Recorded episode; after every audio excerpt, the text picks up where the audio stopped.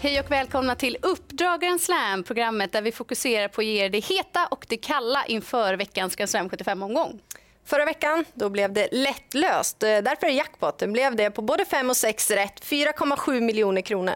Och när det gäller jackpot på Grand Slam 75 så skiljer det sig lite från V75 för då går ju alla pengar till 7 mm, Och nu så fördelas pengarna över alla tre vinstpooler. Så om du vinner, ja då får ju alla ta del av jackpotpengarna.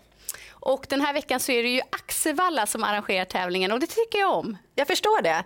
Det är långt upplopp, Sveriges längsta, 227 meter. Och överlag ser omgången rolig ut. Det är välfyllda lopp, orutinerade kuskar, flera voltlopp och sen är det långlopp på det också. Så den här omgången har potential. Det gillar jag också. nu drar vi igång. Här kommer veckans heta. Och jag börjar i den första avdelningen med att lyfta fram nummer ett Hillbilly Woodland som har gjort fyra bra lopp i ny regi. Hon är startsnabb, har ett perfekt utgångsläge och hon var duktig bakom bland annat Kick the Dust Ås senast. Den här gången gynnas hon av att hon bara möter Ston och Oskar Giman som kör, han har bra kuskform. Och en annan som har sett, sett formstark ut är nummer ett Keilo Navas i den andra avdelningen. Mika J Andersson har kört eh, spårsnålt och snällt med honom och luckan har ofta kommit för sent men så som han har avslutat. Den här gången då är det spetsläge och jag tror att det kan räcka hela vägen. Mm. Sen har jag hittat en sån luring i omgången och det är den tredje avdelningen, nummer tre Rex. Han är ingen sköntravare att lägga ögonen på men jag gillar verkligen hans inställning. Och ser man gentemot många andra i loppet så bra på distansen för första gången så har Rex vunnit två av hans tre försök på lång distans. Han står väldigt fint inne propositionsmässigt och har tidigare gått bra efter vila. Den fjärde avdelningen det är ett storlopp över kortdistans och voltstart. Och läget har ju nummer ett Livy Precious fått som är anmäld barfota runt om för första gången. Och Ulf Stenström som tränar, ja, han har väldigt fin stallform. Ja, och just stallform lägger vi spelare ofta stor vikt kring. Men hur tänker kuskarna?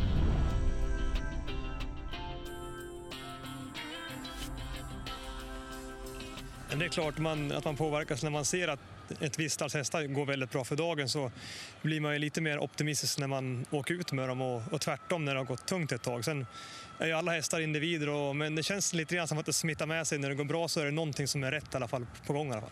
Om de har form eller inte, det, det viktigaste är informationen man får av tränaren. Eh, sen om man har haft tio hästar som har gått dåligt eh, inom tid, eh, kort tid före det här loppet jag ska ut i och han är nöjd med den här hästen, då måste jag utgå ifrån det, från eh, informationen han ger om respektive häst. Ja, men det är ju en av alla de saker man lägger i vågskålen så att säga för att försöka göra en bedömning av hästen och chansen så att säga. Så det, det är en av många saker. Ja men det där känner man igen sig från att man körde mycket själv. Man hade ju koll på tränarnas stallform. Mm. Och en som har bra koll på sin egen stallform det är Peter Untersteiner i den femte avdelningen när han selar ut sin 11 Juvaraj. Hästen har skött sig på slutet och varit väldigt positiv i de två senaste starterna. Han tål att göra en hel del själv och jag tror att det är dags för första segern.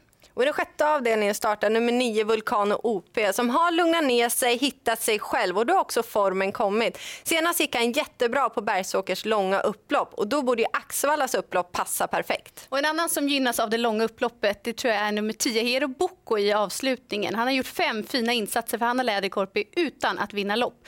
Det var sparade krafter i mål senast i Frankrike och gången innan då bjöd han på en fin avslutning på Åby. Formen sitter där. Och Hanna har ju haft ett väldigt bra år. Ja, sitt bästa år som tränare och kusk. Det var våra heta omgången. Här kommer veckans kalla.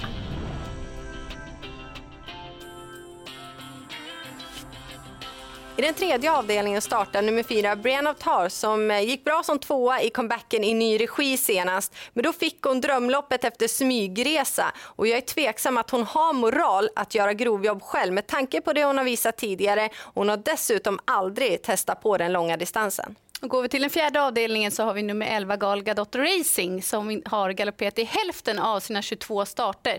Dessutom har hon ju fått ett snävt spår 2 vilket hon har provat tidigare med galopp som resultat. Och I den sjätte avdelningen startar nummer tre Four Guys Dream. Otroligt fin fyraåring som vunnit på V75.